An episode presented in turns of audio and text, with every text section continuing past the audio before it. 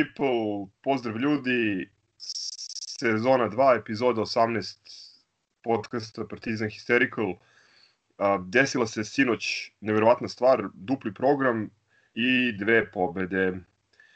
Pričat ćemo o pobedi futbolera u Subotici, pričat ćemo o pobedi nad Zadrom u ABA ligi i pričat ćemo i o novom treneru našeg košarkaškog kluba, kao i o trenerskim egzibicijama na futbolu. Dobrodošli. Sa Ivica Ilije, Ivica Ilije, Ivica Ilije. za početak Sabatka ili Subotica tradicionalno teško gostovanje za, za naše futbolere. A, u prethodne četiri utakmice, ako se ne varam, dva poraza, jedna nerešena bez golova i samo jedna minimalna pobjeda. Spartak i mimo ovih naših utakmica se dosta digao, igra efikasno, a, ajde, smešno je bilo da kažem da je u vrhu domaćeg futbola, ali definitivno je u ovoj situaciji za nas respektabilan rival. Dodatno mi pogođeni koronom e, u tolikoj meri da je Vanja Vlahović koji je 2004. godine, e, godište sedeo na klupi. Uspeli smo da pobedimo i to zahvaljujući e, našem rezervnom golmanu Stevanoviću kući popularnom koji je odbranio penal u, u 92. minutu. Ljudi, šta su vam utisci glavni od sinoć, ako ste ogledali utakmicu? Mm, ajde, mogu ja prvi, ovaj, nisam odgledao utakmicu, sam odgledao hajlajte i ovaj, pročito sam uh, što šta ovaj, po portalima. Pa ono, glavni utisak je danas naslov na jednom portalu najstandardniji Partizanov uh, prvotimac u ovoj uh, polusezoni je dva puta kiksnu u 39. minutu. Uh, najstandardniji prvotimac je Miljković i to je sve što treba da znamo o našem Partizanu u ovoj polosezoni. Čovjek je odigrao sve utakmice i sve minute. Znači, brate, da li nešto još treba dodati? Ovaj, uh, Bogu hvala i, ovaj, i kući naravno što smo pobedili, jer ja ne znam ovaj, uh, da, da, da smo primili taj go i da opet bude neki x, dovelo bi me do stanja, ali apsolutno gočaja, već ovaj, ne znam šta bi tražili, ovaj, opet, kažem, sve to, koliko sam video, jalovo, Spartak je imao dosta šansi, ono što sam video, ovaj, opet, naravno, ovaj, da kažem, sve pohvale kući, ja mislim i ono što sam odavno pričao još posle onog Haga Kazamata srpskoga, ovaj, da jednostavno on mora da bude prvi golman, e, stvarno mi uliva poverenje. Znači, to sam pričao i tada, još od onog finala kupa kad je ono Milijaš uskinuo ono, brate, što se realno ne skida, ovaj, e, e, ja sam rekao da, da on stvarno treba, zaslužuje i treba da bude prvi golman i mislim da, da, da, da bi stvarno bilo glupo da posle ovoga ovaj, on tamo tavori brate, na klupi i da čeka ne znam koliko godoa. To pod jedan. Uh, I dalje bez napadača. Šta mi igramo, kako igramo, to Bog sveti zna. Ovaj, uh, Asano, ja, ja ne znam, taj sve brži, brži i sve luđi i luđi, ovaj, ništa mi nije jasno što se tiče njegove forme, ali hvala Bogu da se našao tamo da je trebao, kao i Čekić. I to je to. Ono, highlight je svega onaj iz Spartaka što je ostao sa jajima na stativi, ovaj, koliko je težak u stvari taj sport, to dovoljno pokazuje. I to je to, mislim, stano je opet prlja sa izmenama, vadi Natka, uvodi Ostojića, a, ne, ne, ne, ne, šta god bi sad rekao, samo bi se ponovio od, od one prošle epizode, tako da ovaj, Eto, to je utisak, zapamtite, najstandardniji igrač Partizana je Miljković. Jako lepo što si izneo tako, tako ovaj, daleko sežne utiske a, samo na osnovu highlightsa. A, Lemi, Trobi, jeste vi gledali celu utakmicu, pa da razgovaramo. Uh, ja sam gledao, uh, znači, apsolutno neverovatno, morao sam da izađem u 85. minutu uh, hitno iz stana, i mislio sam da, da rutinski to privodimo kraju, međutim dobijamo ono jedne poruke a u pičku materinu više, šta se bre više ovo dešava, ništa mi nije jasno, ulazim i vidim da je, vidim da je, ulazim nazad u stan i vidim da je penal za Spartak i, ovaj, i onda se desilo to što se desilo, uh, Stevanović je to, hvala Bogu, odbranio i pobedi smo nekako. A, ovaj, ako uzmemo u obzir sve probleme koji su, koji su realni problemi, smenu trenera, prelazni rok koji u, na, u najmanju ruku okarakterisao bi ga kao nesre, nesrećan prelazni rok. Ako uzmemo u obzir činjenicu da nemamo napadača, da, da trener rotira, da više ni igrači ne znaju da ne mogu ni da očekuju kad će ko da igra i u kojoj formaciji, na kojoj poziciji i tako dalje. Meni je ovo juče bila jedna od boljih uh, utakmica Partizanove sezone, što je možda malo i tužno, ali stvarno imam utisak da smo odigrali fino.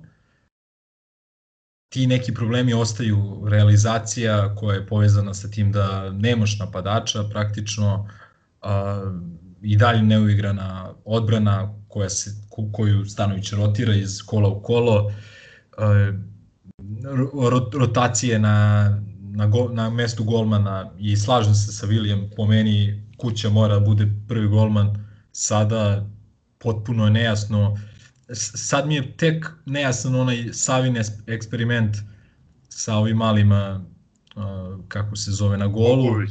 Uh, da, da. Sa, pa, sa, pa dobro, bonus, misliš, šta ti je tu nejasno? Pa, uh, znaš kako, I, uh, ja bih recimo koncipirao tako da mi bonus bude back, ili da mi bonus bude ne znam ni ja. Znači, po meni je potpuno glupo, znači da ti na najodgovorniju možda poziciju, na poziciju gde faktički najbolji golmani unazad 30-40 godina su golmani koji imaju 30 plus godina. I to je tako. I golman stvarno što je stariji, to je sve bolje. Jednostavno treba mu iskustva.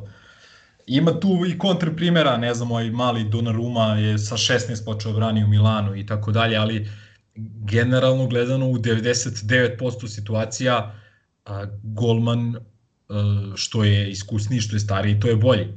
I po meni je potpuno glupo. Ja kapiram da, ti, da tebi treba taj bonus igrač i da jednostavno ovaj, negde moraš da, da ga ovaj, na nekoj poziciji moraš da ga staviš, ali je moguće da ta druga najbolja omladinska škola na svetu ne može da nađ, napravi bonus igrača ovaj, na poziciji beka ili na poziciji ne znam ja. Ovaj. Ali dobro, to su već ispričane teme, ali kažem, po meni je i ta, ta Savina odluka možda i kako se zove, još jedan od razloga zašto on više nije trener Partizan, nažalost. Uh, ovaj, I što kaže Vili, stvarno mi unosi neku sigurnost. Jedino što je malo niži, ovaj, malo je kraći za golmana, to ali nije, skočan, ali, ali skočan je, na to nadoknađuje, to nadoknađuje svojim atleticizmom. I anticipaciju ima, anticipaciju ima i koncentraciju jako dobru, to, evo Vili je pomenuo taj slobodan udarac koji je skinuo Milijašu one godine kad smo uzeli duplu krunu, Uh, prošle godine isto imao je neke odlične, odlične utakmice i na pripremama je pokazao da je specijalista za, za penale. Ako sećate one... Pa, mislim, ono što ne... Šta juče skinuo jedan na jedan šut, ono isto neke kifle, ono dvojka oko Kališa što su mu šutnuli ovi. Baš je skidao juče nešto ono što sam... Imao je, imao je i on kao i ovaj golman Spartaka, imali su obojica jako dobre jako dobre odbrane juče. Uh, mi smo imali čak 10 šuteva u okvir gola, uh, ajde doći ćemo do toga, meni je ta realizacija zaista ono jedno od loših utisaka od juče, jer mi smo imali, imali smo jednu natkovu mrtvu šansu i dve Holenderove, posebno na prvu, 51. minutu kada ga je Asan otvorio, mislim, meni nije jasno stvarno ovaj, da, da, da ono ne da, mislim, po sredini gola sa 7 metara, idealna situacija, golman već u padu, mogu da ga pita gde će da mu, da mu, da mu šutira.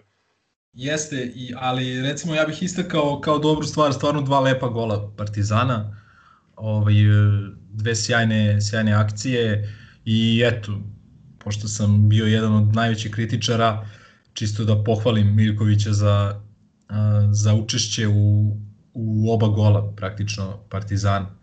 Ovaj, od loših stvari ponovo partija Lazara Markovića. Češćavanje prisustvom, što bi rekao Dule. Čekaj, čekaj, čekaj. Ali Jesi, pazi... Ovaj, pohvalio Miljkovića sad. Pa jes, Učestvovao je, mislim, učestvovao je kod oba gola. učestvuje kod oba gola, nema šta. Nema šta. Drugi da učestvuje, je. Ali, ovaj, ali pazi, ja više nisam siguran i da li je to kod Markovića češćanje prisustvom. Iskreno ti kažem, zato što češćanje prisustvom je kad neko ima očigledno mnogo veći kvalitet u odnosu na protivnike i saigrače na terenu, pa onda se ponaša tako malo onako bahato i šta znam, ovaj prepotentno. E, po meni Marković nema, nema kvalitet.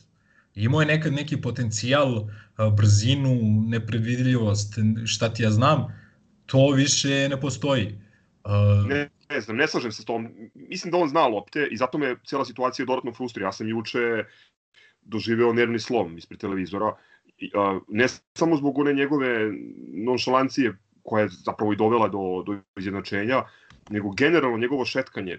Čovek koji uđe u drugom poluvremenu, skine Zdjelaru traku kapitensku i ne zna ni sam da igra. To je neki ono neka slobodna uloga između linija, šetka se levo, desno, prelazi. Još ovaj, deluje zapravo kao da deluje kao da se poprilično pogubio, pričemu ja mislim, ja mislim da on i dalje ima kvalitet i da zna, ima i određeno iskustvo, ali pored tog neverovatnog malera sa, sa povredama, e, mislim da ima i neki psihički problem. Prosto je neverovatno da čovek kao da igra pod ručnom, ja ne znam. Ove, ajde sad ne pričamo o njemu. Tako, otišli... tako zvani privatnik, ono, igra svoju, svoju neku igru i, i dobro, ali nije bitno, mislim. Naše dete, nažalost, ovaj, uh, ali pravo si. Mislim, ne znam šta je gore, da li povrede ili taj psihički problem. I, i, ili, ili je najgore ono što te uporno neko forsira da moraš da, da uđeš, da, da odigraš, da ispipaš loptu, da vidiš ovaj, šta je i kako je, znaš. Ne znam šta je gore. Samo još jedna stvar kod njega pre nego što to Tobiju damo reč. Um, ja se nadam da drugi test koji su, drugi PCR test koji su uradili, da nije bio takozvani false negative, jer ako jeste, veliko je pitanje ovaj, koga će Stanović imati na, na raspolaganju tokom reprezentativne pauze. Jer e, znate da je Marković, da je prvo bilo objavljeno da je i on u grupi igrača koji su koji su inficirani koronavirusom, pa su onda kao posle drugog testa vidjeli da to zapravo nije slučaj i čovek završio u ekipi sa trakom u drugom poluvremenu.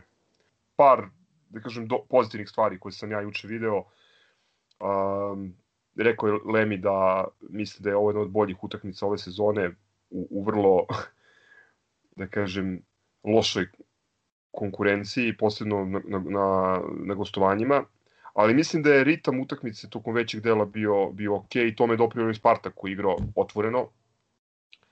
A, što se nas tiče, mislim da je e, dalo rezultat to što je Natko pomeren bliže golu na, na poziciju 10 gde je obično gde je obično Suma koji nam je opet neviđeno falio.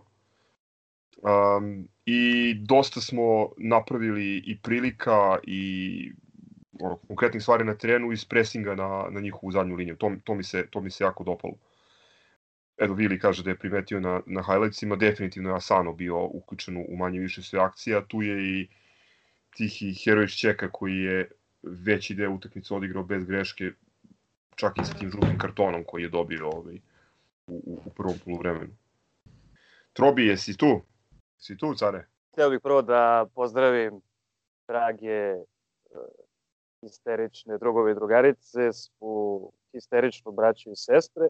Mislim da prvo treba podvući jednom debelom crvenom linijom ono što je Dule pomenuo, a to je fenomen skidanja trake kapitenu kada onaj koji je u hijerarhiji više, u kapitanskoj hijerarhiji više od njega uđe u igru.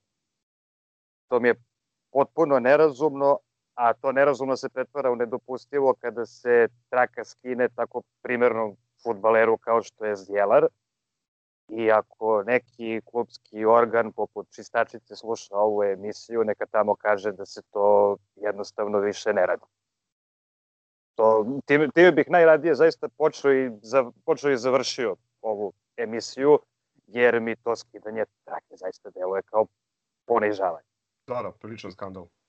Što se, što se same utakmice tiče, počeo bih pohvalama kako ne bi bilo pogrešno shvaćeno ono što ću kasnije reći. E, ovo vero, napadački verovatno jeste bila proporcionalno kvalitetu protivnika, ovo je možda bila i najbolja utakmica koju smo u Ping Pong Superligi odigrali ove sezone, ako ne najbolja, ono, jedno najboljih. Dali smo dva gola, propustili bar tri zitera na jednom od težih gostovanja u Srbiji. Svakako treba pohvaliti Stevanovića, ne samo za penal, koji nije samo odbranio, nego, nego ga je vrlo efektno odbranio. Nije, Spartakov futbaler nije čak ni loše gađao, ali je Stevanović zaista izvanredno reagovao. Imao je jednu, imao je divnu, još jednu divnu paradu koja je, nažalost, završila loptom odbijenom pravo na nogu Spartakovog futbalera, pa će zbog toga ostati u zapečku. Imao je i onu gotovo bizarnu intervenciju u prvom polovremenu kad je nogom skinuo loptu i mogu samo da potvrdim ono što ste i vi ono što ste i vi rekli, da Stevanović u najmanju ruku zaslužuje da bude prvi golman ove sezone, ako ni zbog čega drugog, ono, da, li, da bismo videli da li može da bude dugoročno rešenje ili treba i golmana da kupuje. Treba, treba pohvaliti Natha, treba pohvaliti Asana iz Čekića svakako i nešto opreznije može se pohvaliti i Holender za ono što se popularno zove učešće u igri. Ali na ovakvom, ponavljam, gostovanju promašiti jedan ziter kakav je promašio ozbiljan je kiksa promašiti dva, to je već to je već veliki problem. No, problem koji nije samo njegov, nego je naravno problem i, problem i klubski, jer Holender je samo jedan u nizu igrača prethodnih sezona koga koristimo na poziciji koja jednostavno nije njegova primarna. On nije, on nije špic i možda i ne, možda i, možda i ne mora možda mu i nije u opisu radnog mesta da svaku takvu šansu pretvara, pretvara u gol, tako da problem nije samo Izvini, njemu. Trobi, samo ću te na, na trenutak prekinuti, uh, jako mi je drago što si pomenuo taj njegov učinak širi, mimo dva promašna zicera, iako je neko na, na Twitteru inteligentno primetio da ta realizacija posjeća na rane Sadikove dane. A ovaj čovek je E, praktično tek mesec dana u, u našem klubu. Takođe, on je učestvovao uh, najdirektnije kod našeg drugog gola, jer je on Miljkovićev centar šut uh, spustio, usmerio ka, ka Šćekiću koji je bio slobodan i koji je to ovaj, skrenuo u, u, mrežu. To je, što se, to je što se tiče pohvala. A sad, što se tiče kritika o onome što smo mi pokušavali da odigramo u poslednjih nekoliko minuta utakmice. To bi, to bi se mogla posvetiti posebna emisija, mnogo smo, mnogo smo pričali o tome sinoć. Pro, probat, ću, probat ću to da izložim ukratko. Ono što smo mi igrali poslednjih minuta, nekoliko minuta sinoć, mi to jednostavno nikada ne smemo da radimo. Bok je to u šali juče dok smo se dopisivali nazvao igrom sa Liberom, mi ne smemo da pokušavamo nikada više na takav način da zatvaramo utakmice, jer mi to nikada ne možemo da uvežbamo. To što smo mi igrali sinoć u poslednjih nekoliko minuta, to nama nije potrebno na barem 90% utakmica u sezoni, a i na preostalih 10, tamo gde bi nam teoretski takav sistem mogao biti koristan, potreba nam je 5, 10 ili 15 završnih. Dakle, mi to nikada ne možemo da uvežbamo. Zanimljivo je, to naravno govori o, o partizanovoj napadačkoj tradiciji koju svi dalje poštujemo. E, rasprava se uglavnom vodi na nivou da li je takva igra dostojna Partizana, da li je sramotno, da li je kukavički da Partizan tako igra. A mislim pa, da uopšte, pa dobro, ljudi imaju, ljudi imaju ideološki problem sa naravno, zatvaranjem. Ali mislim da mi uh, raspravu čak ne moramo da dovedemo na, na taj nivo što se mene tiče, ja sam, ja sam saglasan i mene je, opet citiram, evo sad i pozdravljam Bokija, malo sramotica, što bi on rekao, kada vidim da igramo sa kada vidim da igramo sa Liberom, ali u osnovi sistem kao sistem, svaki futbolski sistem je legitiman. Ono što je, ono što je poenta jeste da je ovaj, da ovaj ne da nije delotvoran, nego je katastrofalno štetan. Podsjetit ću, podsjetit ću na Desit. Utakmicu koju ne pominjemo. Podsjetit ću na dve prilike u, koj smo, u kojima smo to mogli jasno da vidimo. Jesen 2017. sa Đukićem igramo protiv Young Boysa, utakmicu završavamo u revolucionarnoj 5-3-2-0 formaciji, sa pet, sa pet defanzivaca, sa tri zadnja vezna, sa Jankovićem, Milićem u timu. Šta se dešava? Jedva, jedva preživljavamo ako uvedeš toliko defanzivaca u igru, ako igraš sa osam defanzivaca, valjda to radiš zato da protivnik ne bi ni stvorio šansu, valjda radiš zato da ti ne bi ni došli do 16 terca. A nama, na toj utakmici, sećaju se svi, poslednjih nekoliko minuta nije se znalo odakle u 16 tercu preseva. Mi smo bukvalno jedva, neko bi čak rekao, i slučajno preživjeli tu utakmicu. Kada je reč o utakmici koja se ne pominje, izvinjavam se dragim prijateljima što mi izaziva posttraumatski stresni sindrom, jasno je, sve je propalo onda kada smo uveli trećeg štopera. Sa igračem više. Kada je, kada je Ferdi Druif, ako se tako zove, dobio loptu u našem šestetercu, okružen, bez preterivanja, ko se ne seća neka pogleda snimak, okružen petoricom ili šestoricom naših futbalera, od koji ga niko u šutu nije omeo. A niko ga u šutu nije omeo zato što niko nije znao šta treba da radi u toj postavci, jer nikada pre toga nismo igrali sa trojicom štopera. Ako već imaš nešto, ako već imaš nešto što čuvaš, a valjda ti je potreban najpouzdaniji sistem za koji znaš da bi to i sačuvao, a ne eksperiment. A za nas će ovako defanzivna igra uvek, iz razloga koje sam pomenuo, uvek biti eksperiment i mi to jednostavno više nikad ne smemo da radimo. Jer da ste našali malo, uh, statističari bi rekli ili bi se moglo reći prema prvim procenama, mi smo juče takođe prosuli bodove. Jer penal je nešto što se obično realizuje. Igra je slučaja što ga Spartak nije realizovao. Za analitičke svrhe bi bismo mogli da kažemo da su bodove juče prosuli. Dakle, još jedan put izvinjam se zbog ponavljanja, ali baš sam uh, izgoreo sinoć što se videlo u našoj prepisci. Molim zaista sve ljude koji imaju bilo kakve veze sa Partizanom da insistiraju na tome da više nikad ne pokušavamo ono što smo juče u poslednjih pet. E, e, samo samo da, da se ubacim na kratko, ovaj, postoji još jedan e, snažan detalj zašto u stvari smo mi e, juče prošli. A to je zato što Taki Nikolić više ne igra u Spartaku. ako, ako nekom nije jasno. Verujem da Dušan ima šta da kaže na tu temu. Sigurno, sigurno je, sigurno je zbog toga. A... Pa, ako se setiš prošle utakmice, čovek nas je uneredio, je li tako bilo? Ne, na prošle utakmice smo uneredili sami sebe, imali smo 2-1 da. vodstvo i onda da. serija neverovatnih izmena i onaj treći gol koji neću zaboraviti nikada gde uh, Ćelavi desni bek prati pogledom i pokušava pogledom da oduzme loptu ovaj, njihovom futboleru. Ok, možemo da kažemo da, da, da smo sami sebe uneredili, ali ovaj, e, svi se svećate kako on igra protiv nas, tako da ovaj, e, eto, samo to kao, čisto kao dodatak. Dobro, sad uveseljava ljubitelje futbala u Saudijskoj Arabiji. Ne znam, meni te taktičke egzibicije potpuno su nejasne, ne bih sad širio priču ili se vrat, vraćao na neke stvari ove, o koje smo pričali uh, u prošloj epizodi, um, te besomučne rotacije gde se ne zna ovaj, igrači ne znaju šta igraju, gde će da osvanu, gde će da završe utakmicu. Uh, evo kontra primer koji mislim da pokazuje koliko je bitno da opet uloge budu, budu podeljene. Ne znam da li ste primetili da već uh, između Banjaka i, i Svete postoji određeni automatizam i u ovaj dodavanjima i u postavljanjima i u preuzimanjima igrača koji koji pobegne i tako dalje. I to je ajde da, da, da ne bude da samo mračimo i da se fokusiramo samo na negativne stvari to je za mene jedna dobra stvar.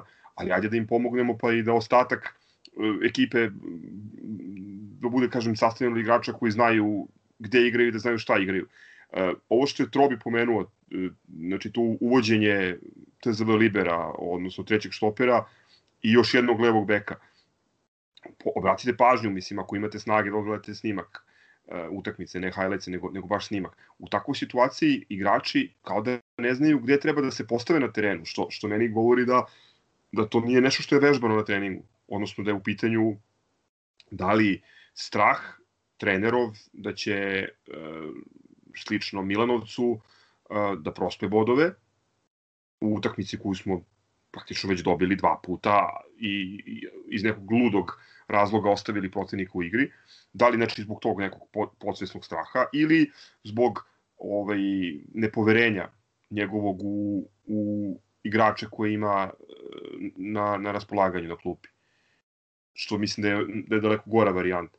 Jer ne vidim, mislim, ne vidim stvarno ovaj, šta je to što, ajde sad da, da potpuno banalizujem stvari, šta je to što recimo e, Obradović može da pruži na mestu Filipa Holendera ili šta je to što Ostoja može da unese kao treći štoper na, na mesto Natka. Uzga budi rečeno, to je, to je ista izmena koje, koju je i Sava obavio u Hagu pre nego što se desio potpuni slom svega i mi sa igračem više se skršili i ispali iz Evrope. Lemi, si imao ti još nešto da kažeš ili da završavamo lagano ovaj deo sa futbolom? Što se mene tiče, Trobi je sve to jako lepo i detaljno izneo. Stvarno se slažem sa, sa većinom toga što je on rekao. Dobro, ovaj, u tom slučaju samo da kažemo da predstoji e, reprezentativna pauza u kojoj će, ako sve bude u redu, ako se niko novi ne bude zarazio, Stanović imati nešto više vremena da, da uigrava ekipu. Koliko uh, sam imao prilike da vidim, uh, Takuma uh, ide u grad gde će da igra dve prijateljske utakmice za Japan. Uh, Banjak je bio na širem spisku Kamerun, ali ostaje u Beogradu. Imamo neke ove mulce koji će uh, igrati za omladinsku i mladu, ali u suštini mislim da je većina da će većina igrača biti tu možda Holender ode ovaj, na, na, e, na pripreme Mađarske. E, čuo sam da, da je uvedena jedna inovacija, da ćemo utorkom verovatno igrati e, neke pripremne utakmice poluzatvornog tipa gde će stručni štab da proba razne ove juniore i da pokuša da proceni ko od njih može da odgovori da odgovori zahtevima ništa, siguran sam tu postoji, da se vratim na priču o, o, o bonusima, tu postoji neko ko može da, da igra čistog špica. Da je to Štulić koji je danas ponovo dao dva gola za, e, za omladinsku ekipu, je to Stanojlović koji je juče opet dao gol za Teloptiki, koji mislim da je najbolji strelac Srpske ligi Beograd, ili je to neko treći, ne znam, ali uz ovakvu sredinu terena uh, i ovakvu podršku mislim da da bez problema igrač koji je bonus može da može da iznese ulogu. To je moje mišljenje. Ja, samo za kraj, mislim, stvarno hoću, o, nisam pratio sad ono KZŠ i sve to, stvarno me zanima šta Stanoje e, ima u glavi, šta on želi da uradi sa svim ovim što radi besomučno već e, utakmicama, znaš. Samo me to zanima, da li mu je neko postavio pitanje Da li on uopšte pomenuo celu tu priču, zbog čega, šta? Eto, to je jedina stvar koja me zanima, jer, znaš, e, neću sad da idem u ludilo pa da misli da se to tako nešto radi namerno. Šta traži, koju formu on traži, to mene zanima, znaš, ništa više. Eto. Vidi, on bi verovatno odgovorio na to e, komentarom da, evo, Holender da je dao juče dva zicera, to bi bila vrlo ubedljiva i onako konforna pobjeda nad Spartakom. I već smo mislim da smo već dovoljno puta pomenuli u, u ovom podcastu da igra nije bila toliko rđava ofanzivno. Po meni vrlo ok, s obzirom na, na snagu protivnika, uh, do trenutka dok Marković nije ušao. Mislim da, da je bilo to vrlo ok. Ove, e sad vidjet ćemo, vidjet ćemo kako će izgledati tim i kada se Suma vrati. To će isto biti ovaj, jedan interesantan detalj. Ali, što se mene tiče, treba nam špic. I to klasičan, znači neko kome je u užem opisu posla davanje golova sve ove improvizacije, mislim, ako, ako se na tome bude insistiralo, mislim da će nam se to obiti u glavu u nekom trenutku. Lemio ćemo na tvoj teren, odnosno na parket na kome škripe patike. Što da ne? Došao je Trinkieri i otišao. Ko na autobus? Pa otišao, na, pa vidi, otišao i Dule kad je napravio rezultat, otišao na bolje u CSKA. I Trinkieri je napravio rezultat, skrenuo pažnju na sebe i normalno da će dode u Euroligu u Bayern. Sokole moj, stani. Pa Dule je napravio 2008. rezultat. Top 8 pokrade ga spasio. Pa ja ti dajem samo primer. Kad neko napravi rezultat, normalno je da će da ga uzme neko bolji, bogatiji u boljem takmičenju. Što bi Trinkieri ostao u Partizanu, kad možda vodi uh, Bayern u Euroligi i da ima bolje uslove i bolje sve? Ali si morao dovesti drugoga trenera. I kraj priče. Ja ti opet dajem primer. Nije To- mi više rad primjer da se obesim. Sada imam pištolj, sad bi ubio sam sebe preko telefona da čuješ kako... Nemoj dotle da ideš. Pištolj nikakav nema, dakle mi... I bolje, sada ga imam, čuo bi moju smrt. Uzao bi i ne, cijelo šander bi istresao u glavu i gotovo. U periodu od eh, prethodnog eh, podcasta pa do ovog eh, izdešavalo se dosta toga u KK-u, pre svega Vlado Šćepanović dobio otkaz, na njegovo mesto doveden je Sašo Filipovski, slovenački stručnjak, jedno jako dobro poznato lice ovaj, ljubiteljima košarke.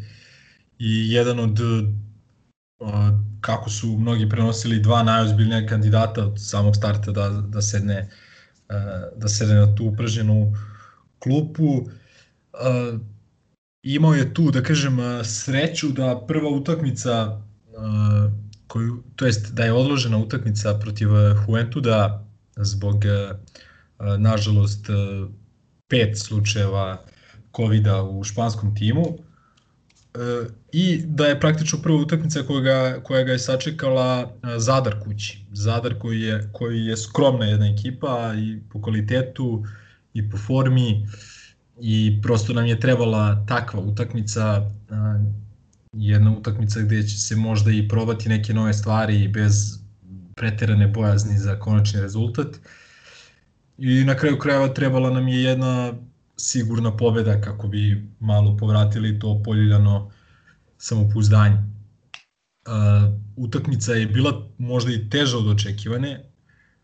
Opet, sa druge strane, mi nismo bili u sjajnom, sjajnom uh, momentu i, i u nekoj lepršavoj formi, tako da se sa te strane možda i nije očekivala uh, ne znam kakva partija. Kažem opet, došao je novi trener sa nekim svojim zamislima i svakako će trebati tu i vremena i treninga i utakmica da se to dovede na neki optimalni, optimalni nivo.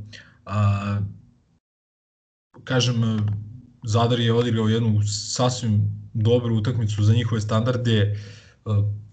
Na poluvremenu je bilo samo četiri razlike, 19-16 prva četvrtina, 19-18 druga četvrtina, negde bio je egal do negde sredine treće četvrtine, onda smo mi malo dodali gas, počeli da pogađamo trojke i, ovaj, i na kraju je to ispala i ubedljiva pobeda, ali kažem, ovih 15 razlike možda i nije baš uh, realan pokazatelj onoga što se, što se dešavalo. Sinoć u hali sportova, uh, ali opet, uh, ko te pita, jako bitna pobeda nakon one strahote u laktašima, jako bitna pobeda da se popravi malo skor na tabeli koji je bio ajde da kažem nezadovoljavajući nakon pet utakmica 2-3 i ovaj već smo već smo prinuđeni da pravimo i te neke kalkulacije kako do kako do četvrtog mesta. I ovaj i da da gledamo nažalost i druge rezultate drugih timova. Ako na to dodamo i 2-3 u Evrokupu ovaj gde takođe imamo dva teška poraza protiv ekipa sa kojima eventualno možemo ući u neke krugove i trouglove na kraju uh, ni malo laka situacija. Uh, šta je dobro, sinoć šut za 3 poena, pre svega kažem u drugom poluvremenu, na kraju je to bilo 12 od 21, uh, nešto loši šut za 2, 16 od 40 ili 40%, standardno loš šut sa linije slovnih bacanja 10 od 15. A nadskočili smo Zadar, 35-24 u skokovima, ponovo uh, meni nedovoljno veliki odnos asistencije izgubljenih lopti, sad je to bilo 14 14, najveći broj tih izgubljenih lopti je bilo faulovima u napadu, ali to su izgubljene lopte i svakako i na tom polju moramo, moramo ovaj, dosta raditi. Uh, imali smo uh, 14 poena iz drugog napada, uh, samo 6 poena iz kontranapada, što je loša stvar. Pojedinačno, uh, praktično smo igrali sa 9 igrača plus 4 minuta uh, malog Trifunovića. Janković i Stefan Janković i Angola nisu dobili priliku da igraju. Mika je zbog problema sa ličnim greškama odigrao samo 12 minuta, ali to je sa druge strane iskoristio Nikola Janković koji je odigrao možda i najbolju utakmicu sezone, 15 poena, 6 u 10 za 2, 7 skokova, takođe dobri su bili Gordić, pre svega u drugom poluvremenu, 11, 11 poena, 2 od 3 za 3, Novica 10 poena za 18 minuta, Dangubić 15 poena bez promaša iz igre, 6 od 6, što je onako kuriozitet, aj tako da kažemo.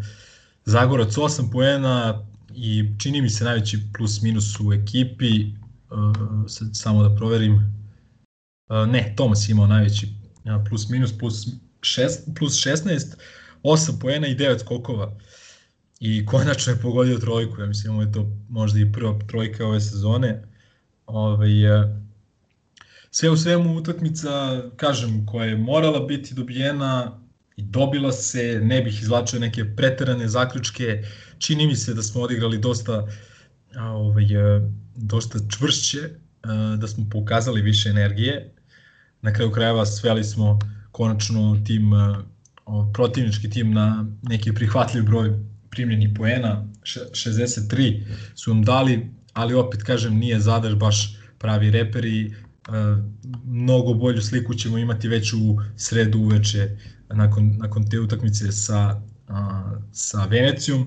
Takođe bih istakao šta, šta mi je upalo u oči, recimo Miller McIntyre, iako nije imao najbolju utakmicu, samo 5 poena, jedan od 7 iz igre, Sviđa mi se što, e sad, ja pretpostavljam da to zamisao, ovaj, stvarno moramo sad čekati neki veći uzorak pa da vidimo da li je to trenerova ideja, ali čini mi se da je bio agresivniji u prodoru, čini mi se da je bio agresivniji ovaj, u tranziciji i na kraju imao 1 od 5 za 2, ali ovaj, mislim da je to neki re, recept za njegovu igru, kao što smo pričali za Page-a da mora da šutne više trojki od ostatka ekipe, tako mislim da i Miller McIntyre mora da koristi ono što najbolje zna da radi, a to je taj e, igra u ranom napadu na nepostavljenu odbranu, da se pokuša da se završi na obruču ovaj, što pre. I ovaj, vidjet ćemo, kažem, u, u nastavku, nastavku sezone da li je to stvarno bila zamisao ili je jednostavno takva utakmica bila. Da li ste vi gledali i Kakvi su vaši utisci? mogu ja prvi, ovaj, s obzirom da nisam gledao ovaj Krspin debi na klupi KK Partizana, ovaj, meni se liči na Krsmu, a meni liči i na Muharema Srbezovskog kad je bio mlad. Znači Krsma liči Srbezovskog kad je bio mlad. Da, sad, uzdravlje. Ovaj, e, znaš šta me zanima, Milenko? Ovaj, e, par stvari. E, pod jedan, e, koja je priča sa Angolom? Ajde nije igrao kod Šćepe, zašto sad ne igra? U čemu se radi? To, to me, to me ovaj, jako zanima. E, po dva, kako ti izgleda uopšte ovaj odnos sada igrača prema njemu? Ti si to sigurno obratio pažnju na to. E, zanima me da li će biti ono drugar ili će biti terorista. Ovaj, e, to i pod tri... Sašo Filipovski nije drugar ne znam, ja sad kažem, znači zanima me u kom je fazonu, kakav će biti. I pod tri, ovaj, šta uopšte, ono sad, da smo neki realni grobari, kao što nismo, nego smo mnogo ekstremni, ali nije bitno. Šta mi možemo u stvari očekujemo, koje rezultate ove godine, e, ove sezone, da kažem, od njega? Šta je ono što što je po tebi prihvatljivo da kažeš, ok, tako je bilo, prosuje, šta je, prosuto je kao i ovaj kad je dolazio Trinki, ono, e, sve je bilo otišlo u kurac posle Čanka, i onda smo polako krenuli, krenuli, krenuli, mleli, došli do, do prvih mesta i onda je Šišmiš pojavio i sjebo sve. Eto to.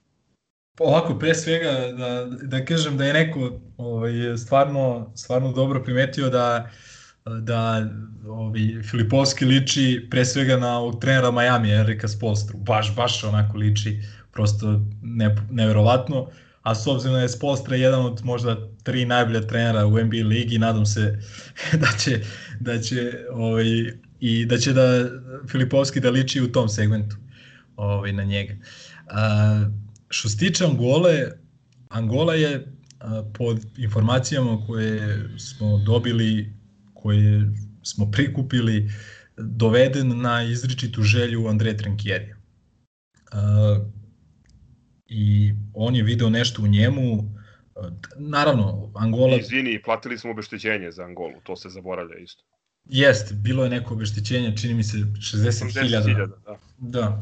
Ovaj, a, a, međutim, a, treba reći da je Angola doveden kad je postalo jasno da od Redinga nema ništa za maltene za do kraja sezone. On se povredio ono u januaru, te posle, posle svega par utakmica i e, strahovalo se da zbog toga što Painters e, praktično nije, nije se skidao od tamo negde decembra pa do, pa do marta meseca, strahovalo se da ne ostanemo kratki za tog jednog igrača na poziciji 3 ovaj, u tim najbitnijim utakmicama koje su nas očekivale, a to je a, trebalo da bude a, playoff kako Ava Lige, tako Evrokupa.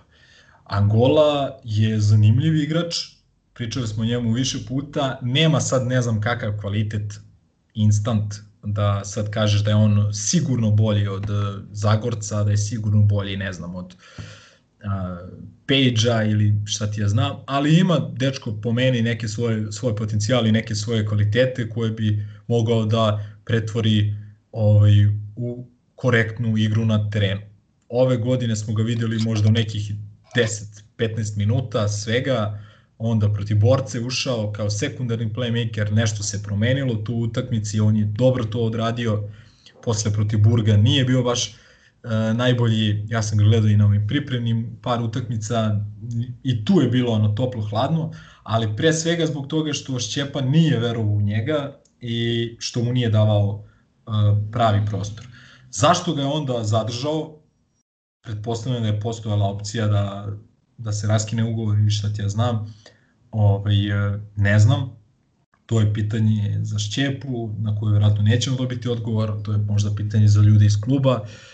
Ovaj, to jest oni će vjerojatno reći da je to bila šćepina želja, ali uh, jednostavno sad ne znam više da li, da li sada je definitivno prelomljeno da pokušavamo da raskinemo ugovor s njim, da mu nađemo neki drugi klub, šta se tu dešava, ne znam. Uh, moja pretpostavka je da je Filipovski nije sad teo nešto drastično da, da da kažem sada mu da 20 minuta zato što jednostavno i Filipovskom sinoć su trebali igrači koji su kako u formi i u kakvom takvom ritmu. Tako da nije teo nešto sad drastično da, da, da eksperimentiše i, i da se kocka. Uh, ostaje da se vidi. Angola je svak... izvini Mile, vidjet ćemo mi, dolazi vrlo brzo ova utakmica protiv Cibone koja je potpuno deponija. Ja bih očekivao da na takvoj utakmici oni probaju da vide da li od njega ima nešto ili, ili, ili nema. Ako ja lično mislim ako i dalje bude naš igrač, ako tu ne bude igra uopšte, da je to to, onda da, da se njega ne računa. Isto važi i za, sa Jankovića. Pazi, re, re, realno gledano, nije sad ni Filipovski imao prilike da se uveri u njegove kvalitete. Pa da, imao je znači, tri treninga samo. Tako je, znači nije imao prilike da ga gleda u igri, ovaj, jednostavno treba će, treba će Filipovskom bar nekoliko treninga da, da vidi da li tu ima nekog materijala ili ne. Ovaj, e, sad više ne znam šta si me ono još pitao, bilo je neko pitanje za Angolu, bilo je pitanje za šta da očekujemo i šta je bilo još... I, i drugar sa, ili kakav stav već ima prema igračima. E pa, znaš kako, on je, uh, Filipovski je prošao tu školu trenersku, pre svega Zmage Sagadina, a onda kasnije je nešto ra, malo radio i sa Duletom Joševićem, tako da sumnjam ja da je on nešto, da je nešto drugarski ovaj, nastrojen prema igračima. E, ono nešto malo što sam se raspitao, čuo sam da ima podjednak ono, pristup prema svim igračima, da ga ne interesuje da li si da li imaš 18 ili 36 godina, da li si najbolji igrač ili jednostavno ovaj, nema kod njega povlašćenih i šta znam, mislim da, mislim da, će, mislim da je strog trener, da ima te neke svoje principe, važi za defanzivnog trenera, za, trener, za trenera čije ekipe igraju jako oštro, jako, mm, da kažem, sa, sa velikom dozom energije, akcijno stavlja na odbranu, sad tu je uvek pitanje da li je to zbog toga što je imao takve ekipe koje više su, mislim, defanzivne ili, ili to je ono pitanje da li, da li je starije kokoška ili jaje.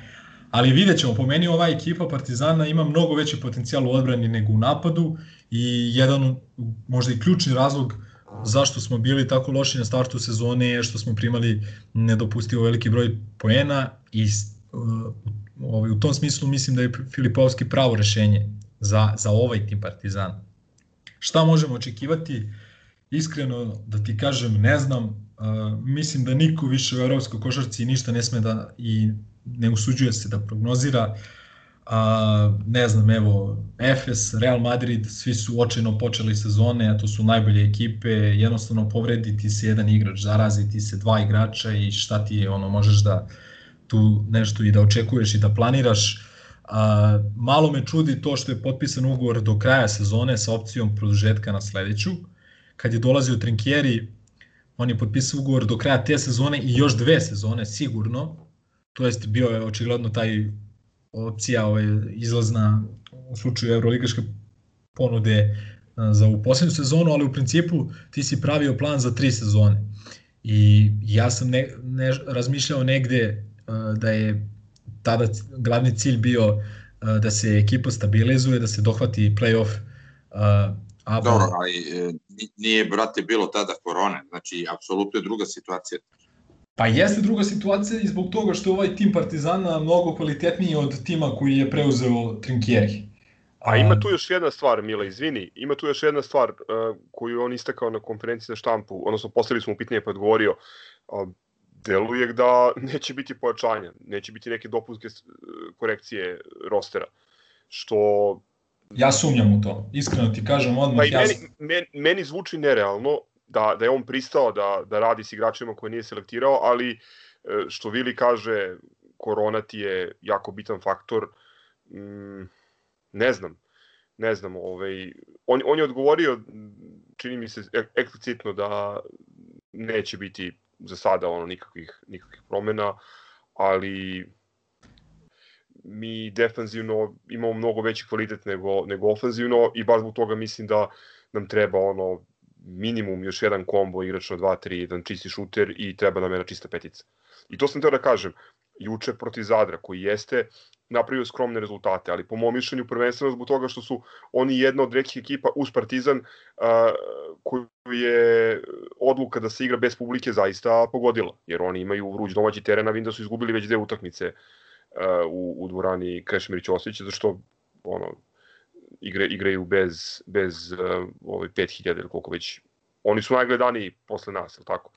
Uh, pa dobro, ali, ali, ali ne, ne. Ovi, oni protiv nas napune halo, protiv ostatka onak nije baš pa to. Pa dobro, ali, ali vruć, vruć je te, domaći teren, to hoću kažem. I drugo, nije, nije, nije, nisu ni toliko loši. Mislim, oni imaju, koliko sam uspio da shvatim, nemaju operu imaju, da, nemaju operu, pa svi idu na košarku. Ne, imaju, imaju, imaju značajan broj mladih igrača od kojih dosta očekuju, imaju ovog Mavru koji je jedini tu kao neki igrač koji je malo ovaj, to peče ne. više u ABA ligi i, i, i stranci im uopšte nisu toliko loši.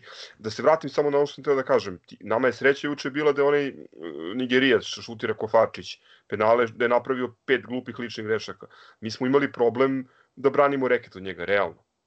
A, oni pre svega imaju dobrog trenera. Znači, ko, šta god ko misli o njemu, a verujem da se neće mnogi složiti, opet uh, Veljko Mršić je uh, trener koji je vodio CDV-tu par godina, koji je dolazio do završnice ABA lige i kao takav je mnogo, da kažem, njegov kvalitet, trenerski rang neki su mnogo ispred Zadra kao trenutno u kom sta, u stanju u kom se Zadar nalazi i ovog igračkog uh, kvaliteta. Da, slažem se, tu je Mavra i tu je recimo ovaj, e, Gagi Nikolić u ovoj analizi utakmice posle jako dobru stvar ovaj, primetio. Mavra je šutnuo tri puta samo ovaj, za 32... Da, da, da, njega smo baš dobro zatvorili. Tri puta je šutnuo najbolji igrač, maltene njihov, znači za 32 minuta. I to očigledno bio plan i... Dobro, ali, ali to je dobro urađeno, ali zato ti je Carter uh, ove odigrao 32 minuta i probudio se u novoj trećoj četvrtini, no poslednji put kad su, kad su nas ugrozili, kad su se spustili na četiri razlike, kad je da li Bursać ili ko je već imao šut, uh, imao je trojku ovaj, da, da se spusti na, na poen, um, o, praktično da, mi smo njega uspeli da zatvorimo, ali pojavili su se neki drugi igrači koji su izneli. Pa dobro, izneli, mislim, ovaj... pazi, Carter je bivši ligaški igrač i, znaš, ima neki kvalitet.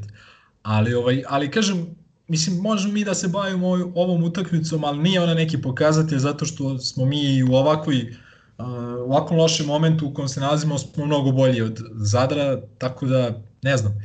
Ovaj, Izvini, Mile, samo sam teo da kažem, mislim, ja sam, ja sam, ja sam vratio na Zadar jer sam teo da, da dam primer ovaj, čuvanja Onuakua koji je odigrao svega 18 minuta, brzo ušao problem sa, sa penalima, ali nam je napravio, napravio nam je problem u, u, u reketu. I ho, mislim, po meni, nama treba jedan, jedan čist igrač na pet. I mislim da ako, ako postoji ambicija i dalje da se nešto ozbiljnije radi u Evrokupu, da, da sa ovim igračima uz Mozlija koji će možda da se vrati za, za Reer, a možda i neće, mislim da to nije dovoljno. Pa da, mislim, mi igramo praktično bez najboljeg odbrambenog visokog igrača, bez Mozlija, koji je stvarno značajan, značajan faktor u, u odbrani reketa. Pa i Aralaza, vrat. Da, da, ali kažem, kažem kad pričamo konkretno, ne znam, juče 13 poena ovog, i, i ne znam koliko skokova Onuakua. A brate, ali pričamo o dvojici iz prve petorke, realno. Jeste, apsolutno se slažem, apsolutno da, se slažem. Nije, nije ni to, da. Samo kažem da, samo kažem da po mom nekom mišljenju, ja nisam shvatio uh, da je, nisam shvatio Filipovskog da je bio tako baš izrečit, da je rekao da neće biti povećanja, će rekao da u ovom trenutku neće biti povećanja, da će prvo da vidi šta posaduje, šta razumeš, šta mu fali. Jednostavno nije isto kada ti gledaš tako utakmice preko ovaj, laptopa, pa i da sto puta ih gledaš i da ih ono seckaš, premotavaš. Nije isto kao kad ti dođeš na trening, pa 7 dana treniraš sa ekipom, vidiš tu možda neki potencijal da neki igrač ne koristi nešto što je drug, što je mogao da što zna da radi, a drugi trener nije prepoznao i tako dalje. Ali ja mislim da će biti, mislim da će biti bar bar jedna ili dve korekcije, ovaj ne znam.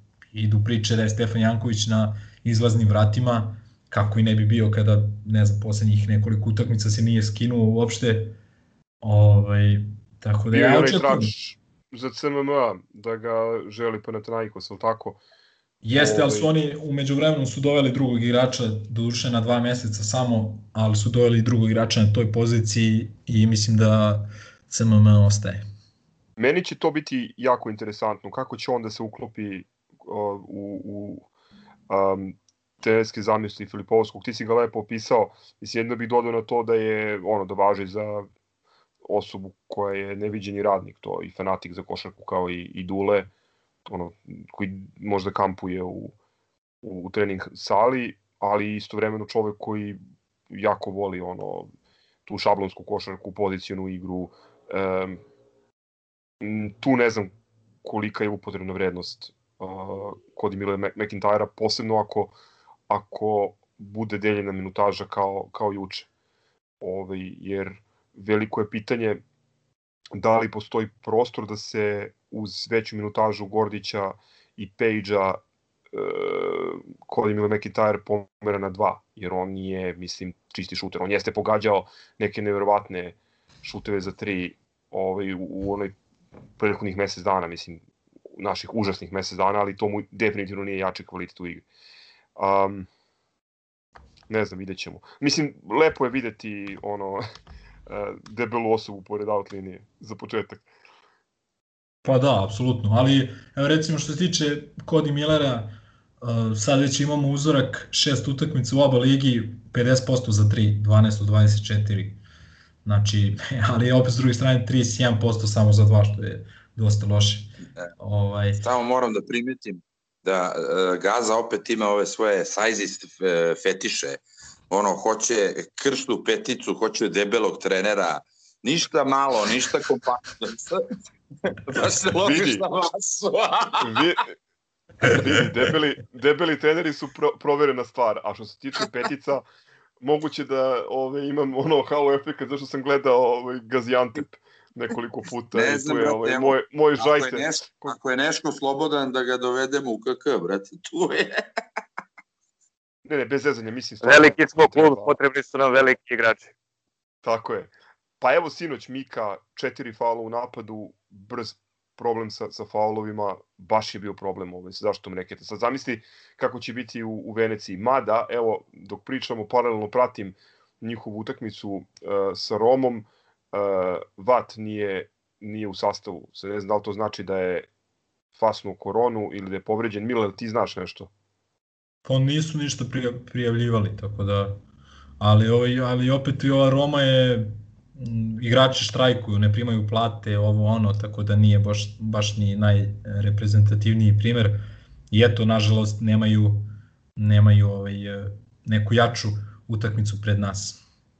U svakom slučaju, a, mnogo bitna utakmica sad nas čeka, to jest bitne utakmice nas čekaju, a, Venecija, pa Cibona, a, pa onda ne znam, Unix, ili tako?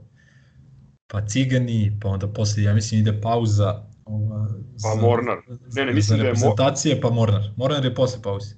Da, videli smo da su uh, Dangubić, Zagorac i Trifunović pozvani ovi, od strane Ko- Kokoškova, tako da neće imati njih na treninzima Filipovski, što možda nije baš uh, najsrećnije za nas. I to je to, ne znam da se još nešto dešavalo umeđu vremenu što se tiče KK-a. Uh, Ja mislim da možemo da pređemo na stalne rubrike i da lagano zatvaramo, pošto vidim da, da se Vili uznemirio. Da Može, može, može. Razumijem iskrene i pozitivne kritike i sve, ali ne razumijem tu jednu možda ću malo biti grub, e, gebelovsku histeriju medija Ok, preostale su nam još stalne rubrike, pre svega kutak za ništa sporno trenutak. Ovoga puta dosta, dosta mali uzorak e, sudovskih odluka, a, s obzirom da ovo snimao pre komšijske utakmice sa Indijom, a, ostaje jeli, ta, ta mogućnost ili opasnost da se desi nešto što, što je vredno pomena. Ako toga bude, to ćemo u narednoj epizodi. E, za sada samo uh, hoću da vam postavim jedno pitanje. Da li možete da zamislite da neko u Ling Longu svira penal protiv komšija u 92. minutu? Pa ja ne mogu, iskreno. Jedno, Mo, naravno da ne.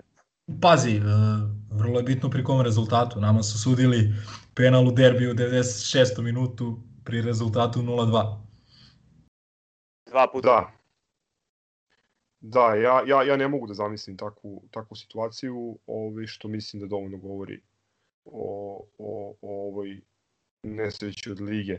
Što se tiče izjave, vidim da je Vili ipak utekao, a imao je dobar predlog. Ili ima neko pri ruci Nedića? Uh, Vilijev predlog za kutak za nesporno trenutak bila je izjava Dejana Nedića, koju ćemo citirati ovom prilikom.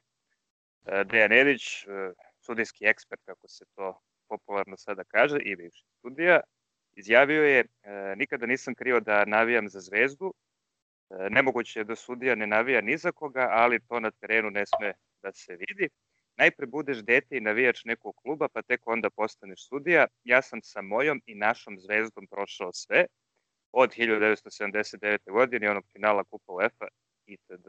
itd. Uh, on je to izjavio, stvari ne znam da li je izjavio za Telegraf, ali Telegraf je, Telegraf je prenuo, a novinar Telegrafa je između ostalog interpretirao valjda ono što je Nedić izjavio. E, kaže, jako je bio međunarodni sudija, Nedić nikada nije sudio večiti derbi između Crvene zvezde i Partizana. Razlog veliki je navijač najtrofejnijeg srpskog kluba. Možemo samo da primetimo da je ovo uh, drugar, drugar sa mora drugi, drugi deo. Ko razume referencu, razumeo je. E, ali ima više, ima više njih, nije samo druga Samora. Tu je i Baba Rogić koji je bio kasnije u upravi njihovoj, tu je i ovaj, Mrakić. Mrakić, Mrakić koji je javno priznao e, da je u Zemunu uh, ono zatvorio da, oko i nije svirao. Duša nije htjela da, da, da prizna gol, ili tako beše bilo? Da.